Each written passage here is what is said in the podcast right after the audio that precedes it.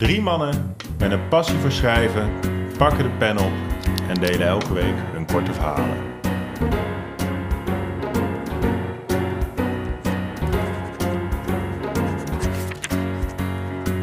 Welkom bij Goed Verhaal, Lekker Podcast. Daar zijn we weer. Hey, hallo. Hey, wat leuk om hier weer te zijn. En we moeten Ja. eventjes iets, een misverstand uit de wereld helpen, toch? Ja, ik- Ja, dat gaat thema helemaal mis. Ja, ik zal het als host doen. Zoals jullie konden zien, staat er in eh, de titel zowel het thema voetbalvader slash Zeeland. Ehm, dat heeft ermee te maken dat ik twee fantastische thema's in mijn hoofd had. Steeds twijfelde tussen de twee. En blijkbaar in mijn communicatie niet helemaal duidelijk was naar beide van jullie. Ja, Ehm, of tenminste, ik was naar één van jullie wel duidelijk en naar één van jullie niet. of andersom. ja, Ehm, ik denk dat ik gewoon iets te veel gedronken had na onze live-opname, waardoor ik gewoon niet meer goed wist welk thema we nou Ja, want toen, toen, moesten gaan toen doen. hebben we het omgegooid. Het was Ja. eerst voetbalvader. En toen stonden we op het balkon van Arthur. En eh, toen zei hij van, nee, ik wil toch, toch Zeeland. Toch, Toch Zeeland, als thema. Ja. Dus ik heb het zelfs nog genotuleerd en in onze groeps WhatsApp gezet. Oké, aanstaande zaterdag Zeeland. Thema Zeeland, ja. En ik kom aan. Ik zeg zo, jongens, wat hebben jullie voor verhaal bij Zeeland? Eh, gaat het leuk worden? En jullie zo, Zeeland? Voetbalvader, toch? Voetbalvader. Voetbalvader. Ja. Ja. maar hier zijn knap. boybands als Backstreet Boys en NSYNC zijn hier kapot aangegaan, hè? Ja, ja, verschil in inzicht. Ja, We waren niet eh, in sync. met elkaar. Nee. Ja. Oké, nou, dus we doen vandaag doen we iets heel nieuws, innovatief. We doen twee thema's. Dus ik begin met het thema Zeeland. Eh, dat komt omdat ik daar op vakantie ben geweest. En eh, ja, Zeeland is fantastisch. Heeft alles wat Nederland te bieden heeft. Eh, ik kom Lekkere daar vaak. mosselen, Lekkere mosselen, strand, strand, bier, bier, vis. daar ben je. Nou, wel meer. En, er, lekker weer. Hè? Het klaart altijd op en in de Zeeland. Zee. Maar het mooie aan die vakantie was dat het was heel slecht weer. Maar daardoor, normaal als we daarheen gaan, eh, want mijn schoonouders hebben daar een huisje, ehm, dan gaan we naar het strand. En nu kon dat niet. Dus nu hebben we heel veel andere dingen gedaan. Heel veel nieuwe dingen gedaan. Al het moois van Zeeland eh, leren ontdekken. Dus dat is ook gelijk eh, mijn bold statement. Het leven is mooier in Zeeland. Ja, ben ik het mee eens. Ja, ik ben er nu een paar keer geweest bij jou. Ik ben het, eh, ik ben het er ook wel eh, mee eens. En wat ook gewoon heel fijn is in Zeeland, is dat je daar gewoon je schoenen uit moet doen. Want je bent in Zeeland. En dan voel je dat je meer connected bent met eh, de aarde en het land. Ja, dat was, Bij die iPhone. Art- Arthur kwam aan en liep daar in zijn spijkerbroek en in zijn, in zijn vest volgens mij eh, op zijn schoenen. En toen zei ik op een gegeven moment, Art, doe je schoenen uit. Je bent in Zeeland.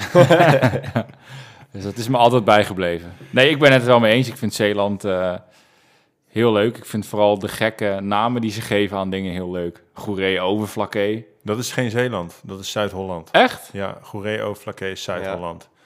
Zeeland begint pas met eiland Schuiven-Duiveland. Jongens, denk er even over na wat jullie, eh, wat, jullie, wat jullie associatie is met Zeeland. Dan schenk ondertussen het biertje in. Die heeft Art? weer meer met voetbalvader te maken, toch? Dat biertje. Ja, Ja. Art heeft hem uitgekozen. Ik schenk hem even in. Ik heb hem inderdaad uitgekozen, omdat ik dacht dat het thema voetbalvader was. Het biertje heet eh, de Gleuvengeleider. Net zoals, eh, ja, hoe moet ik dat zeggen? Ik denk dat elke vader uiteindelijk wel een gleuvengeleider geweest is. Ja. dus ook voetbalvaders.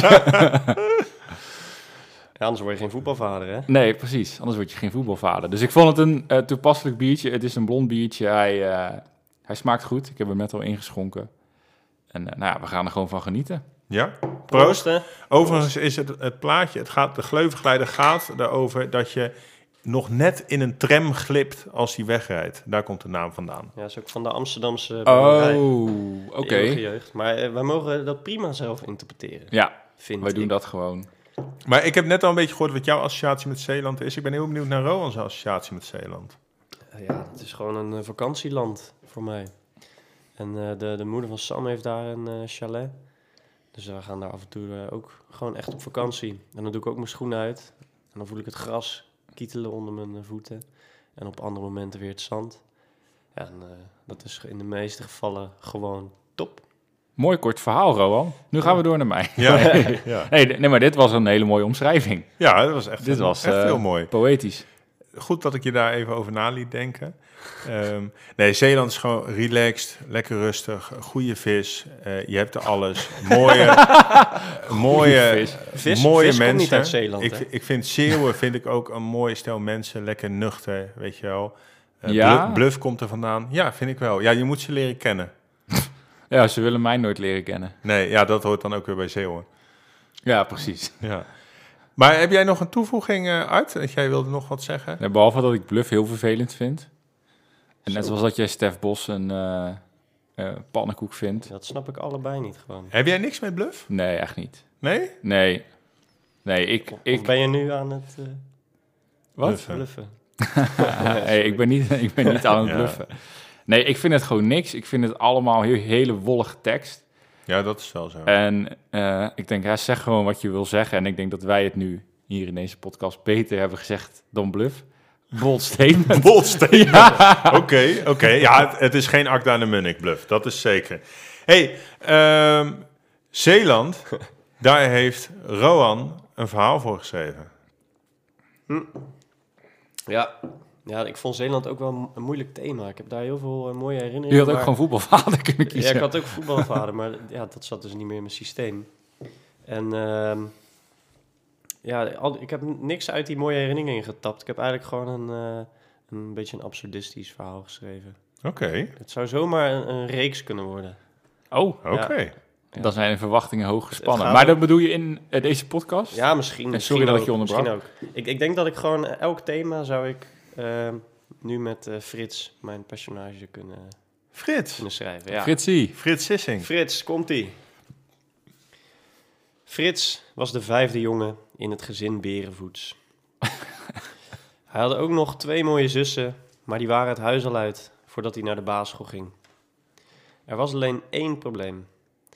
Frits werd geboren op tweede Pinksterdag en dan is het gemeentehuis dicht. Vader is een principiële man die vindt dat je je kind op de dag van de geboorte in moet schrijven en anders niet.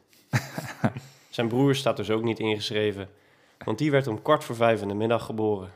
Vader is toen nog snel naar het stadhuis gerend, waarbij hij zijn klomp brak.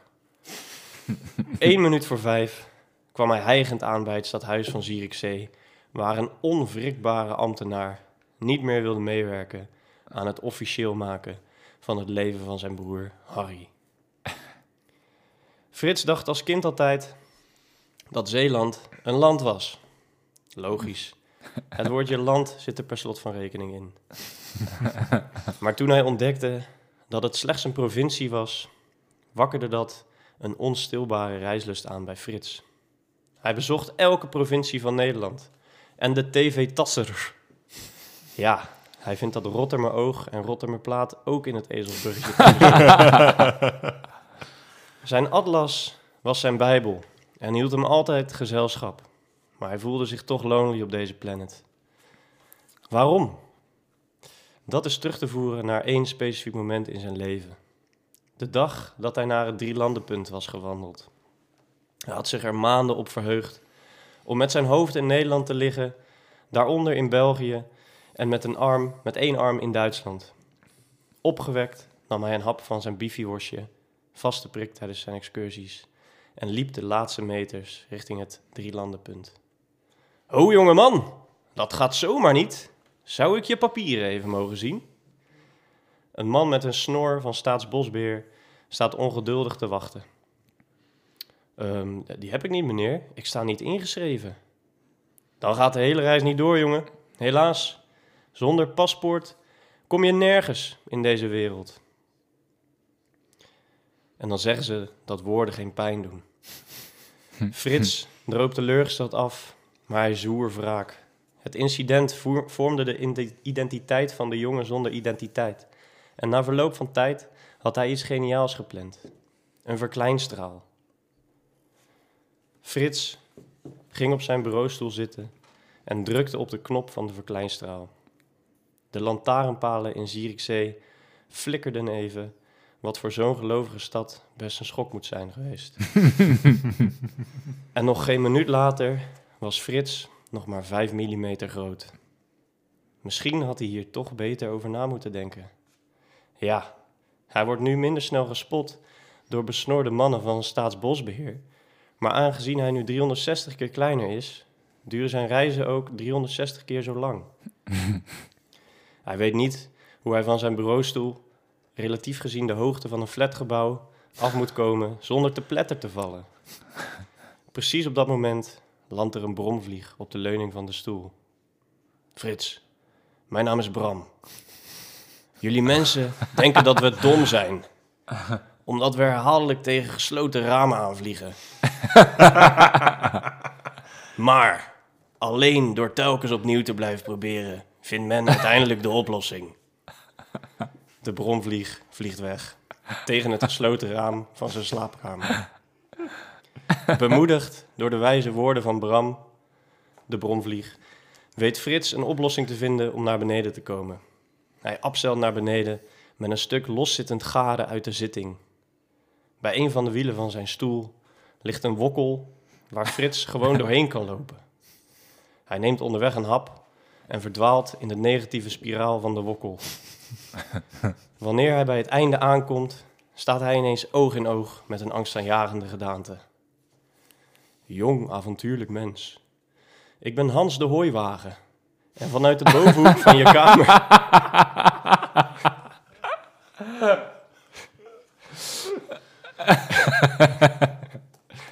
en vanuit de bovenhoek van je kamer heb ik altijd meegekeken hoe je door je atlas bladerde. Laat mij deelgenoot zijn van jouw markante reis. Hans, Hans maakt een sierlijke buiging en zakt door zijn acht poten. Stap op mijn bolvormig lichaam en we manoeuvreren samen door de obstakels in jouw ouderlijk huis en daar voorbij. Frits haalt zijn, oude, houdt zijn schouders op en springt op het kleine bolletje dat doorgaat voor het lichaam van Hans. Maar in zijn sprong trapt Frits per ongeluk tegen een van zijn fragiele poten. De poot valt op de grond en Hans begint te wankelen. Godverdomme, zegt Hans. Frits is blij dat zijn vader het niet hoort. Ga maar zonder mij. Maar blijf ook, maar blijf ook als je een stukje van jezelf dreigt te verliezen, dienstbaar. Let er ook op dat je de huisstof mijt. Kriegelige gasten. Hans krijgt een aai over zijn bol en Frits belooft hem ooit te vertellen over zijn aanstaande avonturen. Hij neemt afscheid en begint aan een slalom over zijn kruimelige vloer. In gedachten geeft hij zijn moeder gelijk. Hij mag best wat vaker stofzuigen. Pas na een paar minuten is Frits bijna bij de deur als er gestommel op de gang klinkt. In paniek kijkt Frits om zich heen. Waar kan ik me verstoppen? denkt hij. Dan ziet hij Basie, zijn oude knuffelkonijn, liggen. En hij, hij kruipt door een scheurtje in de vacht. Wat een lucht, wanneer is dit ding overleden? denkt Frits. Hij knijpt zijn neus dicht. De slaapkamerdeur van Frits vliegt open en klapt tegen Basie aan. Het konijn vliegt een paar keer over de kop en zijn stinkende vulling dient als een airbag voor Frits. Verdwaasd kruipt hij door de kriebelige binnenkant van Basie richting het hoofd, zodat hij door een van zijn kraalogen kan zien wat er gebeurt. Frits! Zijn oudere zus klinkt verrast en draait haar hoofd richting het trapgat. Pap, je zei dat Frits op zijn kamer was, toch? Vader zet het geluid van zijn voetbalwedstrijd op stil. Oh, is hij er niet? Hij zal weer op expeditie zijn dan. Net als zijn zus teleurgesteld zijn deur dicht wil doen, ziet ze Basie op de grond liggen. Basie! klinkt het opgewekt. Jij gaat met mij mee op reis. Dat zal Frits geweldig vinden. Ze pakt Basie op en stopt hem in het voorvak van haar backpack, veilig bij haar paspoort en haar vliegticket. Dit wordt de reis van mijn leven, denkt Frits. Mijn zus is het avontuurlijkste mens wat er is. Hij kijkt door het kraaloog naar het vliegticket dat half uit het paspoort van zijn zus steekt. Zijn enthousiasme maakt plaats voor teleurstelling. Bestemming Zeeland. Het kraaloog van Basie laat nu een traan. Maar Frits weet nog niet dat hij straks een heel nieuw Zeeland zal gaan ontdekken. Nou. ja, wauw, je hebt er echt geen woord aan gelogen toen je zei dat dit een, uh, een soort van serie kon worden à la Niels Holgersson die eh, op een grans eh, Ja, maar ik vond, door ik vond, Denemarken trekt. ik vond het helemaal niet absurd- absurdistisch. Nee, dat doe jij elk weekend. Dit is een maandag. ja, ja, precies. Ja, vooral voor iemand eh, die twee meter eh één is. Ja, nee, echt heel mooi, Ro. En eh, ik weet niet of ik nou eh, Nee, ga je gang, ga je gang. jou nu de loef afsteek. Maar nee, echt heel mooi. En ook die grapjes over het geloof. Dat is eh, volgens mij ook best wel Zeeland. Dat iedereen daar heel gelovig is. Die hele Zeeuwse vader die, die ehm, eh, ja, gewoon heel standvastig is. Eh, maar ook hoe makkelijk je overschakelde naar die dieren en, en eh, in die vulling zat. En het, het, ja, het ging allemaal zo natuurlijk. En ik vind het heel gaaf dat je dit zo helemaal bedacht hebt. Ja, het was, het was echt een staaltje creativiteit. Ik moest op een gegeven moment denken ook aan jouw verhaal voor Droom, zeg maar. Dat toen ook zo creatief en van de ene situatie naar de andere en zo ehm, tof was, zeg maar. Dat, ehm, ja, ik heb zoveel opgeschreven wat, wat erin zat van dat, dat doordat je het schreef, zeg maar, van maar eh, wat je deed, je, de- je schreef dan wat, wat iets heel geks, maar dan volgens pakte je weer iets terug uit, sorry. ik Even een eh, boertje laten. maar dan pakt hij weer terug op iets wat, wat uit het normale leven was, waardoor het zo, soort van ook weer logisch werd, zeg maar. Dus het werd eh, niet te gek. Dus dat deed je heel goed. En vervolgens wat je, de, de simpele woorden die je gebruikte, maar dan wel, ja, je zet echt die, die setting en dat verhaal neer, zeg maar. Ehm, Ja, het was echt een soort van kinderboek. Ja, dat, dat probeerde ik Ja, maar als dit, wordt, eh, als dit wordt geïllustreerd, ik kan niet goed tekenen. Eh, Michiel, kan jij goed tekenen? nee. Nee, ik Ah, ook niet. jammer. Ik ook niet. Dan gaat het niet lukken. jammer. Lekker beperkt. Nee, Nee, maar, maar, maar, maar, dit zou echt een perfect eh, kinderboek zijn van een, een avontuurlijke jongen die op deze manier toch gewoon overal komt. En dat dan, dan zijn eerste reis naar Nieuw-Zeeland gaat. Ik dacht eerst, eh, toen hij dat ticket las Zeeland, dacht ik, hé, maar waarom vlieg je daarheen? Je hij zit toch al? En toen dacht ik, oh. En toen Ja. kwam jij ook met die... Ja, maar het, het, stak, het ticket stak ook half uit, eh, Ja, uit ja, het ja, paspoort. precies, Ja. Dus precies. nieuw, dat, ja, dat kon je gewoon net niet zien. nee, nee, dat was heel goed. En ik vond, weet je, er zaten ook wel dingetjes in van die bronvlieg, bronvlieg, weet je wel, dat je telkens door iets te doen leert hoe het wel moet, zeg maar. Dus dat was ook wel een soort van wijze les die erin zat. Eh, maar ook wel dat je best wel veel kennis of feitjes, weet je wel, wat, wat echt zo is, erin verwerkt. Waardoor het een soort van, eh, als je het hebt over een kinderboek, dat het best wel leerzaam is of zo. Ja? Ja, dat Een denk ik hooiwagen ook. heeft acht poten. Een hooiwagen heeft Dat acht, heb ik op moeten acht zoeken. poten, een, Nee. eh, een bolvormig lichaam. Ja, maar ook, en dat je dan, zelfs als je een stukje van jezelf verliest, dat je dan dierbaar blijft. Nou, dat, dat gebeurt, want hij verloor een poot en dan eh, toch eh, dienstbaar blijven. Eh, ja, ik vond het echt, echt een goed verhaal. Je nam ons mooi erin mee. Er loopt hier een kat over tafel. ik zeg het maar gewoon. Ik had nog zo gezegd dat hij dit niet zou doen. ik zei ook van, ja, ik heb hem op de tafel zien zitten. Zit hier een kat op tafel? Maar ja, echt, echt goed verhaal. Ja, ik had allemaal dingetjes opgeschreven, maar ik kan er zoveel over zeggen. Maar Ja. ik, ik vond het echt heel creatief. Ja. Nee, nee, nee. eh, Nee, ja, jij wil nog wat zeggen. Ja, nee, ik wil nog één ding zeggen. Sorry dat ik jou eh, onderbrak. Wil je nog iets zeggen erover? Nee, ga maar gang. Oké. Nee, ik vond het allermooiste dat eh, die zus op een gegeven moment zei van... ik neem die knuffel mee, want dat vindt Frits leuk. En dat was alleen maar geloofwaardig door alles wat er daarvoor gebeurde. Ja, die drang naar avontuur. En dat, zeg maar, toen ik dat hoorde, dacht ik... ja, maar hè, klinkt dat logisch dat ze dat nu doet? Dus dacht ik, ja, want... Ja. Dus dat vond ik heel mooi in elkaar overlopen. Dat Ja, is echt een verhaal, dat het, dat het gewoon samenkomt op een bepaald punt... en niet gek klinkt van, ja, waarom neemt ze die knuffel mee? Ja, dat is Ja. grappig dat je zegt, want ik heb daar echt over getwijfeld. Ik dacht eerst van, oké, zal ik het het oude konijn van haar laten zijn, zodat zij denkt van, nou, dat ga ik meenemen. Maar toen dacht ik van, ja, het is... Ik dacht, deze is beter, deze optie. Ja, en, en dat is natuurlijk het, het lastige bij zo'n verhaal, is dat ehm, je moet creatief blijven en dingetjes aan elkaar blijven knopen. Want eh, kijk, je hebt ook wel eens een verhaal dat je schrijft dat je denkt van oké, nu ga ik hem afronden of zo, weet je wel. En dan kan je het aan elkaar knopen. Maar dit kon je alleen maar aan elkaar knopen door constant die creatieve dingetjes te blijven doen, dat het kloppend was, zeg maar. Dus volgens mij heb je hier best wel veel tijd in gestoken ook. Ja, ja, ja. Gewoon, Ja, dat is eh, gewoon- Zou een heel uit- kut verhaal voor mij zijn als jij zegt van nee, dat heb ik Vijf minuten, vijf minuten. Vijf minuten. Zeg maar, ik nee, heb het... is Hold geen- my beer. Nee, dit is zeker geen vijf minuten verhaal. Het was ook best wel een lang verhaal. Dus Ja. was bijna drie, drie A4'tjes. Dat is best wel eh, lang. Lang verhaal, lekker kort. Goed verhaal, lekker lang. Gaan we door en eh, gaan we door naar het volgende thema en dat is voetbalvader. En daar hebben we ook één verhaal bij. in, hè? Hadden jullie dat Ja, want hij keek voetbal. Ja, hij was voetbal. Ja, dat was top. Dat heb ik er Oh, net ja. stiekem in gestopt. Ja, oké, maar dat is een mooie cross-reference. Ja. Hey, en als, je, als ik zeg voetbalvader, waar moeten jullie dan aan denken?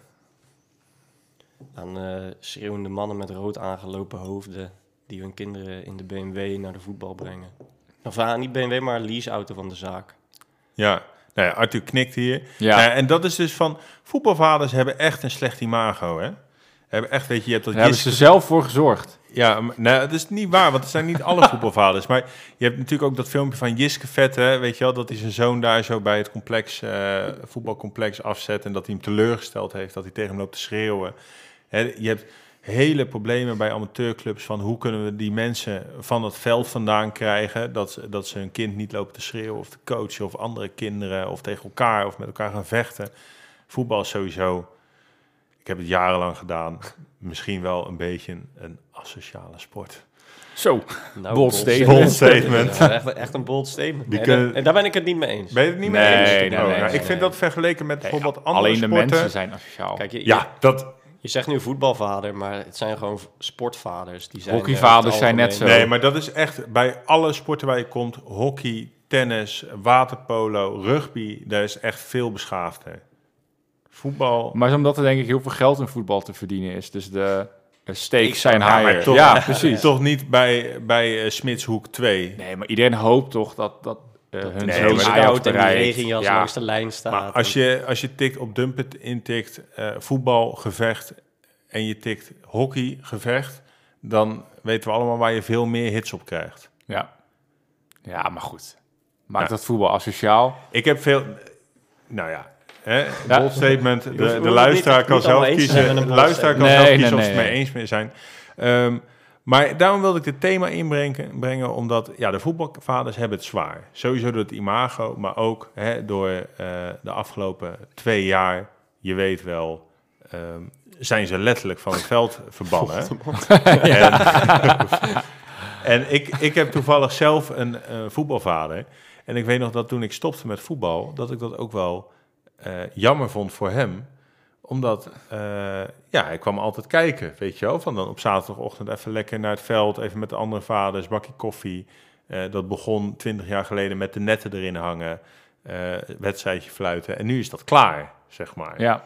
Dus, ehm, ja, dus ik dacht, ik wil daar een aflevering aan, aan wijden. Een halve Een aflevering. Een halve aflevering. Ehm, ja, en ik ben heel benieuwd wat jij daarover hebt geschreven, Arthur. Want jij hebt ook een voetbalvader, toch? Ja, zeker. En dat is nog steeds een voetbalvader, want ik eh eh, zaalvoetbal nog steeds. Ik ben eh, eigenlijk vrij, eh, ik ben eigenlijk vrij jong gestopt met veldvoetbal. Maar ik liep al mijn tijd vooruit, want ik had echt al op mijn twaalfde had ik zoiets van... En waarom moet ik nu op een zaterdagochtend vroeg gaan opstaan, terwijl ik ook gewoon uit kan slapen? Toen was ik echt twaalf of Een zo. visionair. Ja, Een visionair. En heel veel mensen komen daar pas achter als ze 21 zijn, 22. Maar ik, ik had dat toen al. 27. 27. Nee, en nu doe ik al eh, ja, geruime tijd. Ik denk al bijna acht jaar zaalvoetbal. En eh, als mijn vader kan op de maandagavond, dan eh, zit hij daar gewoon altijd bij op de tribune. En soms dan is mijn vriendin erbij, Evelien. Of soms dan is een vriendin van een andere teamgenoot bij. En dan ja, gaat hij daar een, een beetje naast zitten, een beetje ouwe hoeren. En ik krijg nog steeds na elke wedstrijd eh, aanwijzingen over hoe ik het beter kan doen. Ja, André is wel echt een klassieke voetbalvader. Een trotse Ja, voetbalvader. harde inspelen. Voetbalvader, ja. Trotse voetbalvader. inspelen, zegt hij dan. Harde inspelen. Ja, ja, dat zegt hij altijd. Heb je dat ook meegenomen in je verhaal of gaat het over iets heel anders? Ja, het gaat over Nee, het gaat over voetbalvader, basketbal. nee, nee, het gaat, ehm, het gaat, eh, het gaat inderdaad eh, over voetbal. Eh, maar ik heb er wel een iets andere draai aan gegeven. Oké, we zijn heel benieuwd. Daar komt hij. Zijn kleine handjes bewegen driftig heen en weer. Een mat zucht diep en kijkt op. Op het met eh, dauw bedekte veld lopen al zijn teamgenoten quasi professioneel warm te lopen. Mats, kaats! Room moet lachen. Eh, de bal rolt eh, tegen zijn duimbeen aan en eh, zorgt voor een theatrale reactie bij de zelfbenoemde captain van het team. Zijn vader, die tevens coach is en ooit voorstopper was in een tijd dat het woord zwalbe nog niet bestond, roept dat hij normaal moet doen en baalt dat hij zijn zoon deze week naar de Champions League heeft laten kijken. Wanneer zijn zoon hem met een wegwerpgebaar op zijn plek heeft gezet, richt hij zich tot Mats. hey, kom op. Eh, we beginnen zo. Eh, je moet wel warm zijn, anders dan begin je op de bank. Eh, Mats knikt alsof dat op dit moment zijn grootste probleem is en kijkt weer naar zijn veters.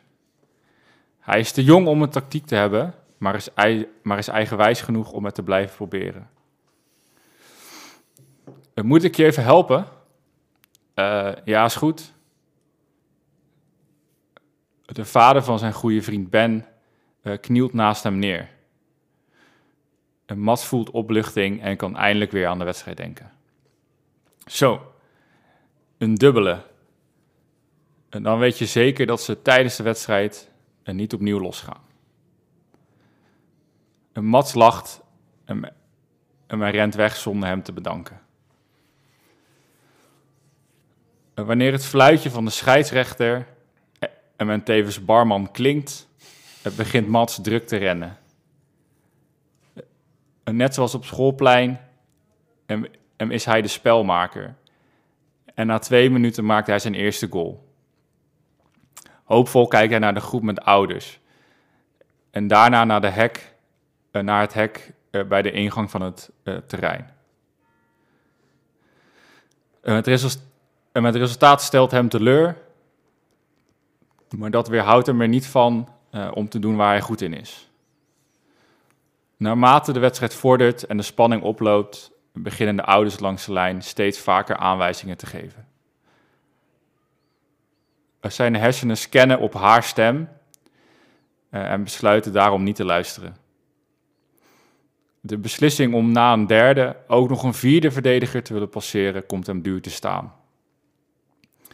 De jongen uit Servië, die hier sinds een paar weken woont eh, en gewend is om alles met noppen neer te halen, raakt hem op zijn enkel. Mats valt en voelt twee soorten pijn. Om hem heen ontstaat eh, tumult. De, de aanvoerder van zijn team is er als de kip bij om met zijn hoofd tegen het hoofd van de dader te gaan staan. Hij valt zonder dat de ander ook maar iets gedaan heeft en vraagt om een kaart. Wanneer de scheidsrechter aan de coach probeert uit te leggen dat hij deze jongens geen kaarten mag geven, er klinkt er een stem door de koude ochtendlucht. Mats, lieverd, opstaan, kom op, je kan het. Mats kijkt door zijn betraande ogen heen en ziet zijn moeder. Eh, Ze heeft haar bekende witte broek en eh, dito tuniek aan. Eh, Langzaam staat Mats op en strompelt verder. Voordat de schetsschrijver eh, fluit, eh, kijkt hij zijn moeder opnieuw aan. Hij, wes- hij wijst eh, trots naar zijn veters, het neemt de duim van zijn moeder in ontvangst en focust zich eh, op wat voor hem het enige zou moeten zijn. Wauw. Zo. Die verhaal. Ik ben wel blij dat die moeder nog kwam. Ja, Ik zat echt ook gewoon... Ik zat bijna net zo hard als Mats te hopen dat, Maar die was dat er ze nog zou komen. Maar die was er al. Was ze er al? nee. Nee, toch? nee hij ze zat de hele kwam, tijd die kant op te kijken naar het hek ook. Oh. Toen hij die 1-0 maakte. Vol verwachting. Hij werd geholpen door die andere voetbalvader. Oh, maar ik dacht dat hij zat te wachten tot zijn vader kwam en dat zijn moeder er was. nee. Dat dacht ik. nee, het idee was dat zijn moeder eh, eh, dus alleen voor hem zorgt en dus vanuit een nachtdienst kwam om hem eh, oh, dan oh, alsnog ja, te... ja, ja, ja. Ik vond het echt, echt een mooi verhaal. Ik kreeg, ook, eh, ik kreeg op een gegeven moment ook kippenvel ervan. Eh, ja, ik vond het echt, echt een goed verhaal. Er Maar zat- waar kreeg je kipvel? Want jij bent natuurlijk... eh, jij herkent heel veel taf... Ik heb nog nooit gevoetbald, dus ik herken bijna niets, eh. Nou ja, van dat, dat hij dan haar, eh, haar stem hoort van kom op, je kan het. Ik weet niet, ki- kinderen die zijn natuurlijk met heel veel dingen bezig op zo'n veld na zo'n voetbalwedstrijd spelen, zeg maar. En als ik me in iemand van het verhaal herken, zou dat eerder die aanvoerder zijn die te veel naar de Champions League kijkt. en die, die het leven heel erg serieus neemt. eh, die waarschijnlijk tien is. En weet je wel, van eh, ze kunnen geen kaarten geven. Arthur En- zei ook net dat hij op jou was gebaseerd. Nee. Nee. Dat heb is een grapje. Nee, maar dat weet je wel, terwijl als je in zo'n team zit, zijn er natuurlijk heel veel jongens met heel veel andere dingen bezig. En eh, ja, deze jongen is ook met, met, met andere dingen bezig. Terwijl hij heel goed kan voetballen. Dit is de talentvolle voetballer, zeg maar. En die is eigenlijk met zijn hoofd met iets anders bezig. Het is een heel ander perspectief ook gewoon dat je krijgt op de teams waar, je, waar ik dan zelf in heb gezeten, of die je wel eens hebt gefloten, of die je hebt gezien. Weet je wel, dat, eh, dat je bijvoorbeeld jonge jongens hebt die vroeger stoppen met voetballen omdat ze het niet leuk vinden, of omdat ze, eh, weet ik het. Maar ja, dan. eh ja, dat wordt misschien een heel gek verhaal van wat ik nu ga zeggen. Maar je hebt, weet je, je maakt in die teams maak je ook heel vaak mee dat bijvoorbeeld als je dan een uitwedstrijd hebt, dat, eh, Ja. dat de mensen moeten rijden of zo, weet je wel. En dat er ook jongens zijn bij wie hun ouders gewoon niet zo betrokken zijn geweest of zo met, Nee, met dat ze komen voetballen. ja. En dat, dat is dan ook heel lastig voor die jongens zelf als je dan ook heel veel vaders en moeders ziet die wel altijd komen kijken, zeg maar. Ja. ja, ik vind het mooi dat je dat zegt. En ik heb dat geprobeerd te vangen in dat vee te strikken. Dat hij daar eh, een beetje hulpeloos zit en hij weet eigenlijk niet wat hij moet doen. Maar hij is te eigenwijs om het eh, eh, zeg maar niet nog een keer te gaan proberen. En Ja. ik heb eigenlijk twee werelden weer neer willen zetten. Aan de ene kant dus hè, die van die aanvoerder en dus die vader die dan ook weer hè, coach is geworden en zijn eigen Ja. kind aanvoerder gemaakt heeft. Die Ja. dan eh, zeg maar gewoon alle clichés gewoon even Ja, pakt. eh, want hij heeft zelf dan ook weer ooit gevoetbald. Nou ja, en dan de hele andere kant van zo'n team. Van iemand die, die zich eigenlijk gewoon alleen maar op het vo- eh, voetbal wil focussen. Maar dan niet eh, ja, de juiste steun krijgt. En dan, ik dacht ook nog van, hè, ik, ik kan er een vader van maken. Maar ik dacht, ja, er, er zijn ook jongens die geen vader meer hebben in hun leven. Dus dan is het juist mooi dat je dan een Ja. moeder hebt naast alle voetbalvaders die daar eh, dan ja. nog helemaal heen gehaast komt in de werkoutfit. Ja, je dan dat nog, echt heel, eh, mooi, heel mooi gedaan. Gewoon eh, zo, die, die twee werelden inderdaad die je ge- gecreëerd hebt. een meer zo'n onderbelicht aspect van, van wat je als kind in je hoofd hebt als je op voetbal zit. Dat je ook wil dat je ouders komen kijken en dat je Ja. daar de hele tijd mee bezig bent. En, en dat had je heel mooi tussen allerlei herkenbare punten geplaatst. Zoals een, een scheidsrechter die ook barman is. Inderdaad, die, die voetbalvader die, die baalt dat hij zijn zoon weer naar de Champions League heeft kei- laten kijken, waardoor hij weer een zwalbe doet. Ja, ik, ik vond het echt heel goed. Ja, ik, en maar, ja het, het, het raakte me echt, zeg maar, het verhaal. Want ik, ik weet dat mijn zus en ik voetbalden vroeger allebei. En dan deden mijn ouders deden van, eh, zeg maar, ze gingen allebei kijken. Maar dan om de week Ja. gingen ze bij de een en dan weer bij de ander kijken, zeg maar.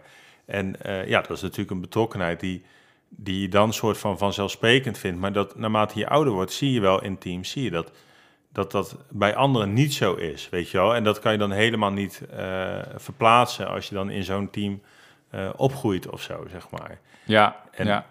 En toen ik later trainer werd van, van teams, dan, dan zag je dat ook. Dan, dan zag je dat wel meer, weet je wel. Dat het ene jongetje, dat hij heel goed kon voetballen, door iedereen werd geprezen. Maar eh, ja, die, die, die stond dan een half uur te wachten op de parkeerplaats met zijn schoenen nog aan dat hij nog opgehaald moest worden, weet je wel. Van ja, Ja. dat, dat zijn dan best wel pijnlijke dingen. Ja, Eh, dus ja. Ja, maar dat is ook wel... ehm, Ja, ik, ja, ik heb dit verhaal gewoon bedacht en ik dacht van, weet je, eh, wat, wat is er nou voor zo'n kind? Dat is ook volgens mij de eerste keer dat, dat ik echt een kind als hoofdpersoon... Ja. Jij hebt dat ook gedaan trouwens, dat is Ja. heel toevallig. Frits en Mats. Frits Ja. en Mats. Frits en Mats. beste vriendjes. Maar dat ik dacht van ja, weet je, wat, wat, is, er nou, wat is er nou erger dan eh, iets? En toen dacht ik van ja, weet je, ik kon vroeger ook mijn fetus niet goed strikken. Dus als mijn ouders er dan niet waren, ja, heel plat, dan zat je daar maar gewoon, Ja. toch? En dan, dus ja, zo heb ik dat verhaal, eh, zo heb je bent gewoon overgegaan naar groep 3 zonder feetstrik eh, uh, diploma. ja, dat heb, ik in, nou eh, dat heb ik in groep 8 gehaald. ja, ik vond het echt, echt een mooi, eh, mooi verhaal. Ik ga deze zeker nog een keer terugluisteren. Ehm, ik hoop dat de luisteraars het ook mooi vonden. Het was even een bijzondere aflevering met twee verschillende thema's. Maar ik is ook wel een keer leuk, toch? Ja, ik vind dat het heel leuk uit heeft gepakt. omdat je dan heel erg focust op één verhaal, op één thema. Um, Dank jullie wel voor jullie verhalen. Graag gedaan. Luisteraars, bedankt voor het luisteren. En eh, tot volgende week. Ciao.